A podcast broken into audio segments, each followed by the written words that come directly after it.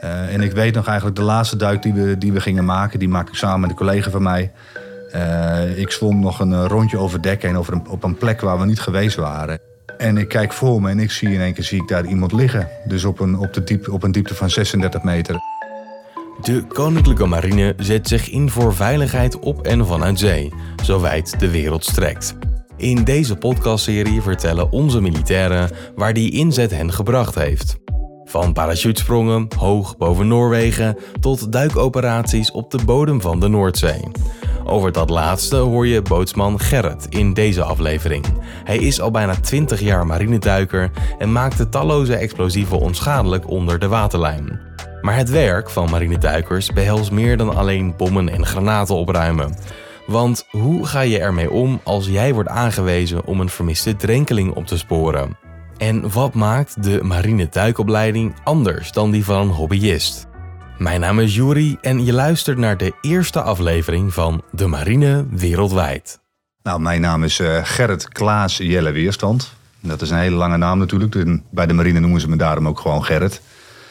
En ehm, ja, ik ben vanaf 2000 eh, werkzaam eh, bij de Koninklijke Marine. En vanaf 2004 ben ik eigenlijk als duiker actief bij de Koninklijke Marine. En ja, tot op heden dus, ja. Je bent dus niet begonnen bij de, uh, bij de duikers. Ik, ik noemde in het intro al even bootsman Gerrit. Nou, voor wie niet bij de marine werkt, bootsman is de aanspreektitel voor um, sergeant operationele dienst, nautische dienst. Mhm.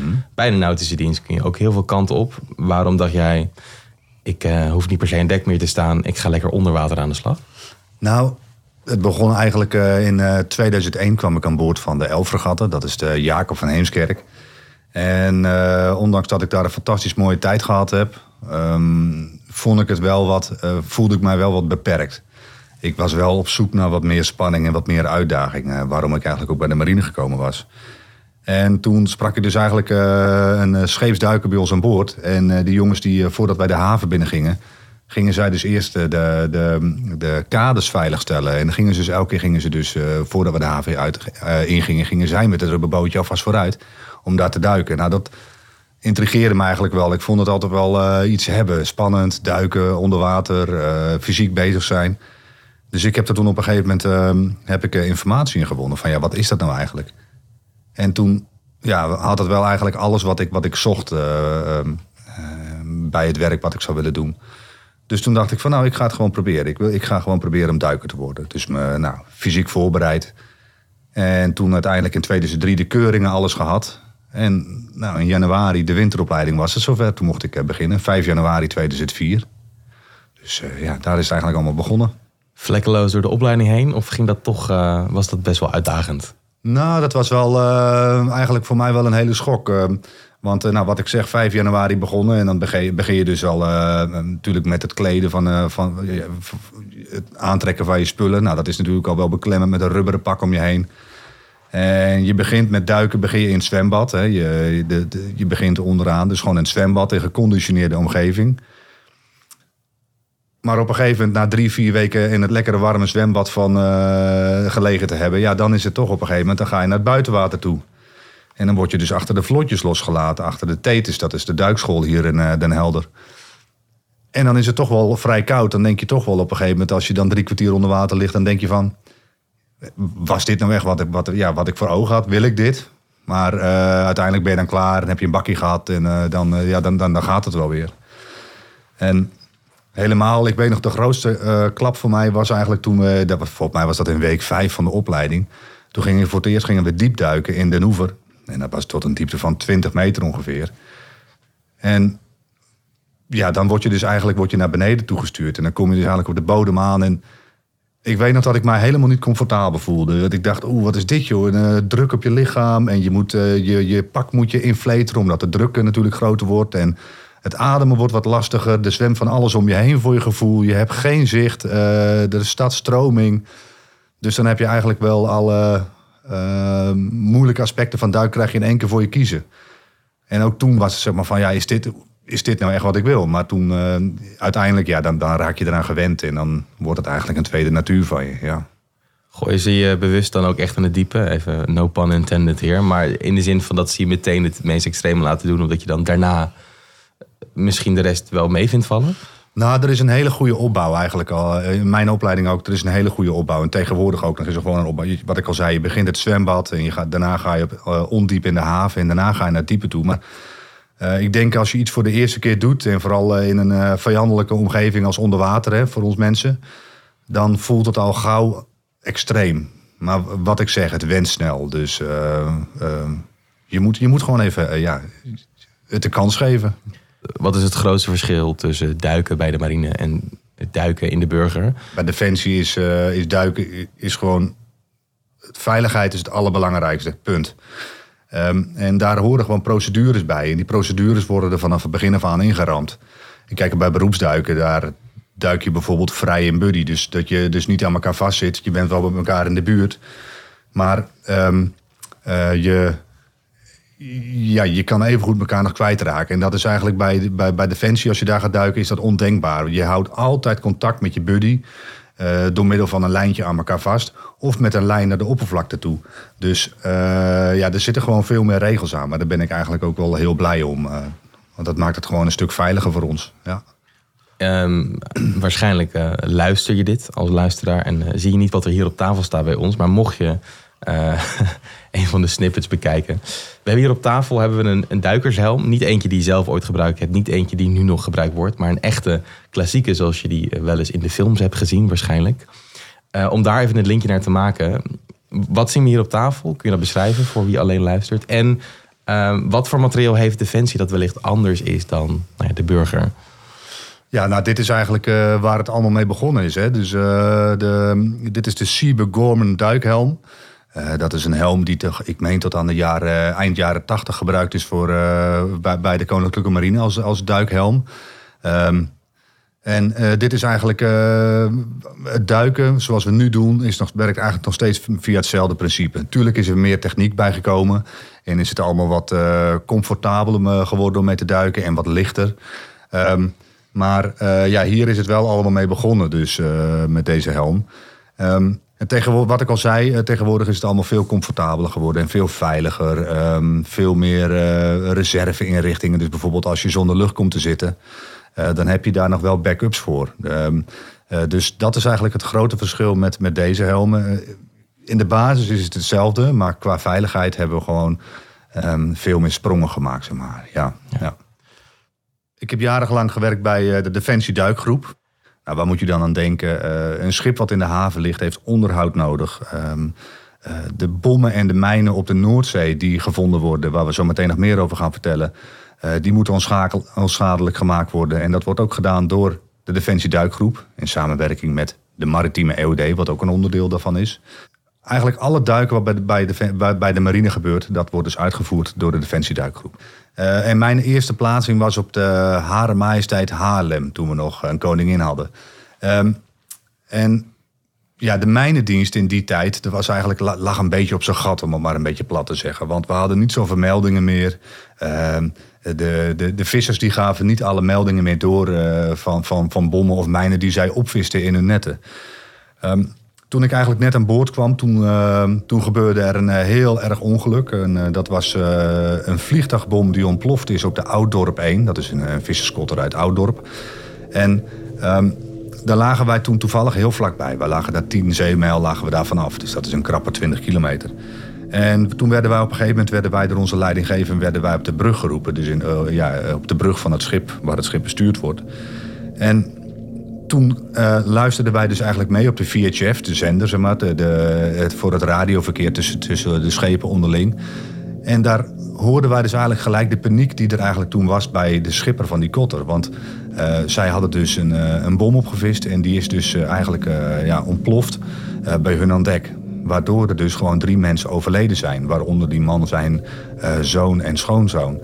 Um, dat heeft voor ons werk heeft dat eigenlijk wel gezorgd. Uh, nou, wat ik al zei, we kregen ongeveer 25 meldingen in een jaar nog als mijnendienst zijnde.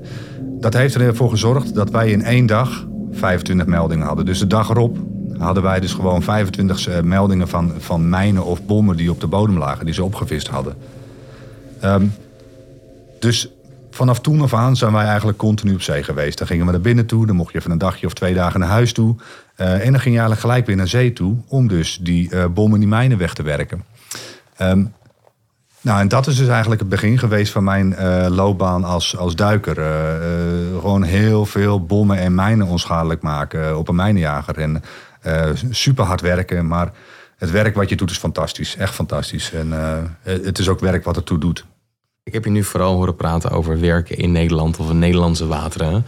Ja. Um, maar waar kom je eigenlijk allemaal nog meer terecht? Ben jij met de marine ook veel in het buitenland geweest om duikoperaties uit te voeren? Zeker, zeker. Ik, uh, ik durf te zeggen dat ik eigenlijk altijd geluk gehad heb. Ik heb uh, uh, eigenlijk overal ter wereld wel mogen duiken.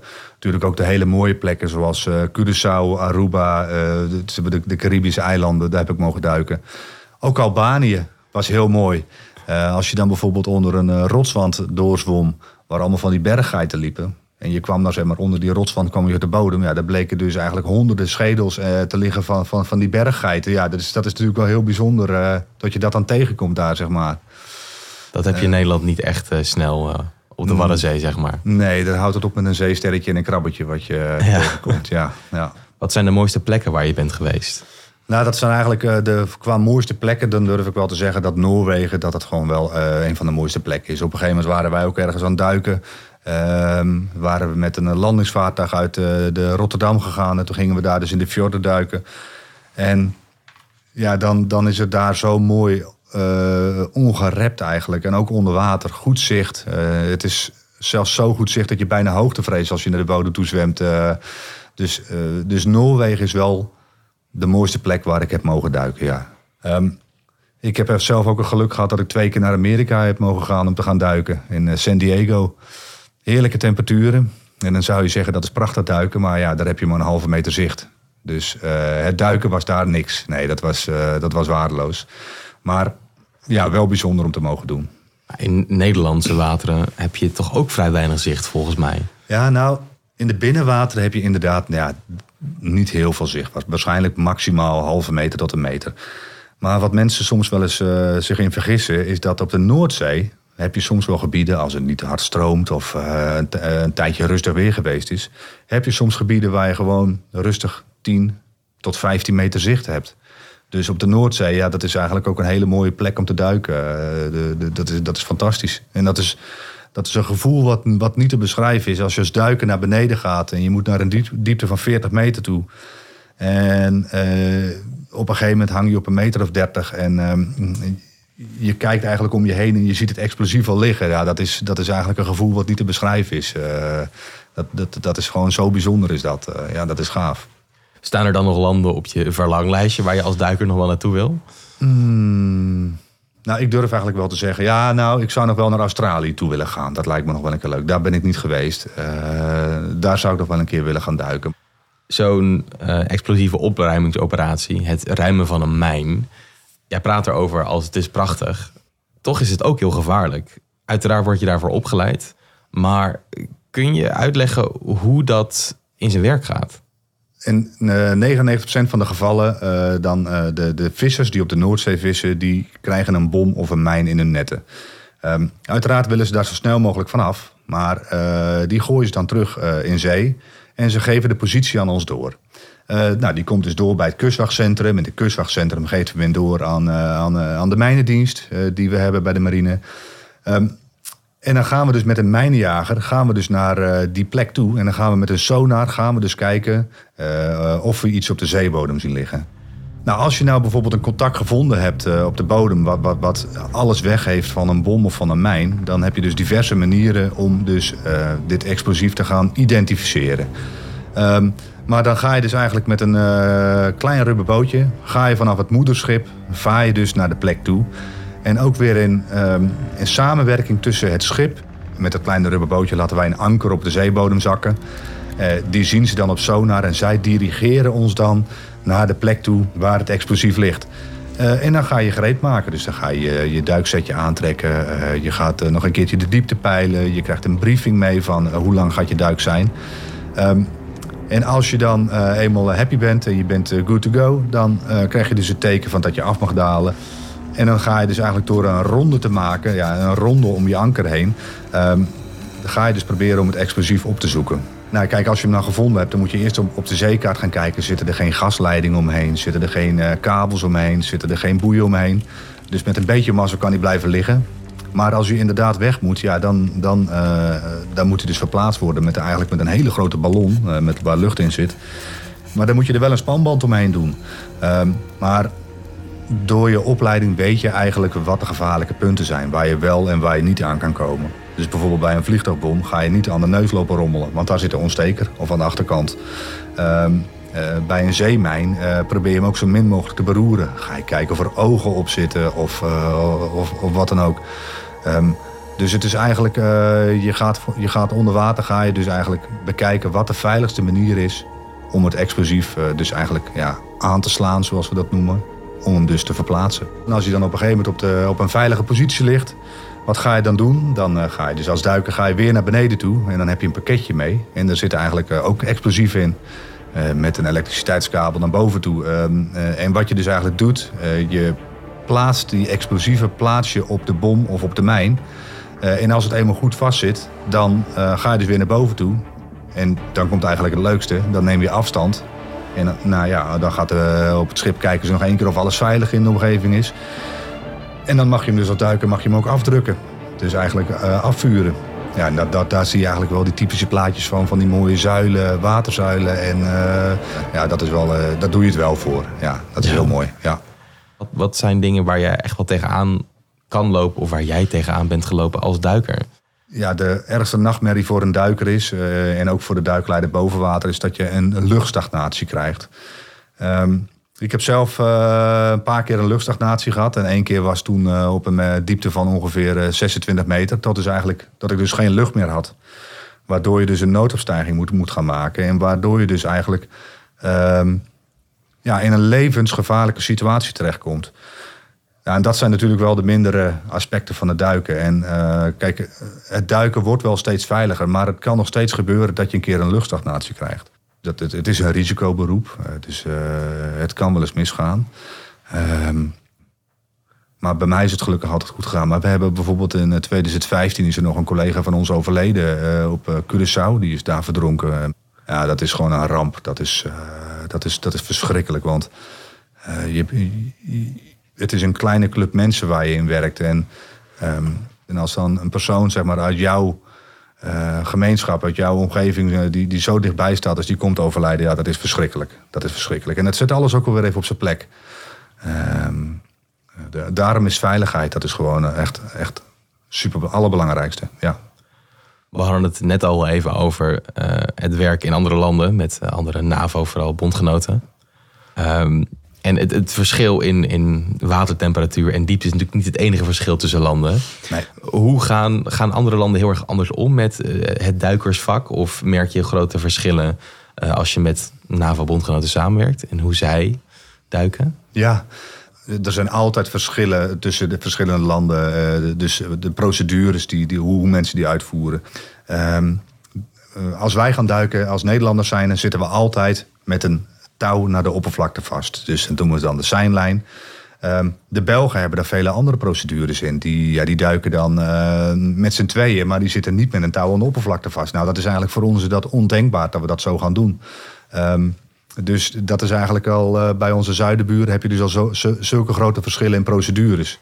Uh, maar wat ik, wat ik over het algemeen zie, um, is dat iedereen wel veiligheid, dat dat gewoon het allerbelangrijkste is bij alle landen waar je mee duikt duikers zijn eigenlijk allemaal hetzelfde type mensen. Uh, uh, we zijn allemaal. Uh, we hebben een risicoberoep.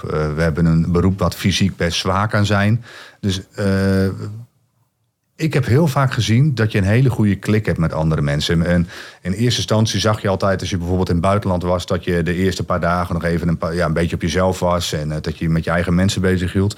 Maar hoe langer je ergens was, dan kwam je toch eigenlijk steeds meer dat je dan ja, toch ook met elkaar ging, uh, ging binden, zeg maar. En dat je dus eigenlijk op een gegeven moment ga je een keer samen ga je een keer uh, een biertje drinken. Um, en ik heb eigenlijk uh, twee goede vrienden daarin overgehouden. En de een komt uit Australië, Brent, die heeft al een keer bij mij thuis gelogeerd. en een Nieuw-Zeelander. ja, dat zijn, eigenlijk zijn we gewoon hetzelfde type mensen. en, en ja, het klikt goed, dat durf ik wel te zeggen. Ter voorbereiding op deze opname hebben we jou gevraagd om een spannend moment of een moment dat er echt uitspringt in al die duikoperaties. Is er iets waar jij meteen aan dacht? Zeker. En ik woon nu in Den Helder, maar dat neemt niet weg dat mijn hele familie en mijn vroegere vrienden, die wonen allemaal nog op Urk. En ehm, wat voor mij eigenlijk ehm, heel bijzonder was, is bijvoorbeeld als er een, een vissers, vissersboot vermist was. en ik had dan toevallig de wacht. En dat je dan eigenlijk ingezet wordt bij mensen die je nog kent van vroeger, die dus eigenlijk vermist zijn, die dus uh, vermoedelijk overleden zijn. Um, dat heb ik uh, twee keer meegemaakt. Dus dat ik uh, eigenlijk op een uh, Urker Kotter moest duiken, waar dus nog vermoedelijk mensen bij aanwezig waren. Um, en ik weet nog, dan, toen, dat was de Z85 was dat. En er zat, er zat een jongen aan boord die vermist was, waar ik, ja, die kende van vroeger. En ik kende hem nog steeds wel, ondanks dat we elkaar niet zagen. Maar die was dus vermist. En toen zijn wij dus eigenlijk als Koninklijke Marine zijn we daar naartoe gegaan. En hebben wij dus een week lang hebben wij daar gezocht. Hebben die kotter helemaal binnenste buiten gekeerd. En ik weet nog eigenlijk de laatste duik die we, die we gingen maken. Die maakte ik samen met een collega van mij. Uh, ik zwom nog een rondje over dek heen over een, op een plek waar we niet geweest waren. En ik kijk voor me en ik zie in één keer zie ik daar iemand liggen. Dus op een, op de diep, op een diepte van 36 meter. En uh, ja, rust kenmerkt duiken. Dus uh, ik, je, je, blijft daar rustig natuurlijk. Maar dan ga je dus wel eigenlijk in, op een soort automatisch piloot. Dan geef je dus door dat je iemand gevonden hebt. Een slachtoffer gevonden. En eigenlijk zagen we eigenlijk wel gelijk dat het de persoon was die ik kende. En ehm, achteraf gezien ja, kan ik er nog steeds...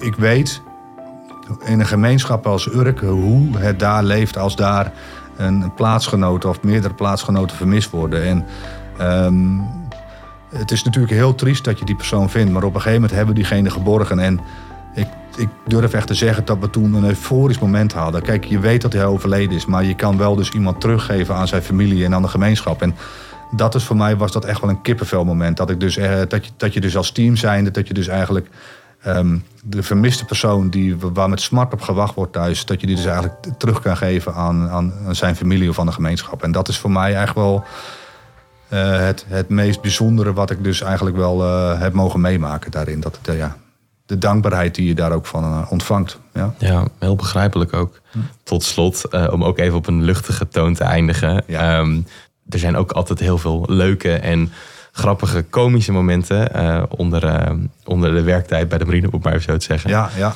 Als jij uh, moet denken aan een grappig moment dat er uitspringt uit die hele duikcarrière. Het zijn er natuurlijk meerdere. Ja, ja, Wat springt er dan uit? ja, dat is een hele goede vraag. Ik heb natuurlijk heel veel mooie momenten gehad, mooie grappige momenten. Maar ik denk dan toch de tijd in San Diego. dat je daar zeg maar als ehm, diverse landen met alle duikers gaat samenwerken. Dat is toch gewoon fantastisch om te doen. Uh, maar een heel mooi en grappig moment is eigenlijk wel dat we moesten duiken in een haaiengevaarlijk gebied. En dat je dan eigenlijk niet wil zeggen van ik wil niet. Ehm, dat je dan toch maar doet. Maar dat je dan na de tijd, dan kom je er eigenlijk uit. En je buddy komt er ook uit. En dan zeg je van hoe was je duik? Ja, ik vond het niet zo leuk. Nee, ik eigenlijk ook niet, zeg je dan. Dus dat is wel heel grappig dat je dan... Je doet het wel, maar achteraf dan is het een hele opluchting en dan lach je rot om van wat je zojuist hebt meegemaakt. Is dat dan toch die militaire mindset? We gaan het toch gewoon doen? Dat denk ik wel. Kijk, en laat ik vooropstellen dat als je iets niet wil doen eh, bij de Defensie Duikgroep, dan hoef je het ook niet te doen. Maar uh, ja, ik denk wel dat dat ook wel een beetje de mindset is van de militair en zeker van de duiker van kom op, gaan, gas erop. Nou, en daarmee sluiten wij deze eerste aflevering van de Marine Wereldwijd af. Gerrit, dankjewel. Jij ook, bedankt. Ja, en mocht je nou denken, die militaire mindset bevalt mij wel, neem dan een kijkje op werkenbijdefensie.nl/slash marine. Wil je op de hoogte blijven van al onze inzet, oefeningen en toekomstige podcasts? Check dan de Insta, Facebook, Twitter, YouTube en LinkedIn van de Koninklijke Marine. Voor vragen over deze podcast kun je mailen naar socialmedia.marine.mindef.nl. En dan rest mij niets anders dan je een fijne dag en een behouden vaart te wensen.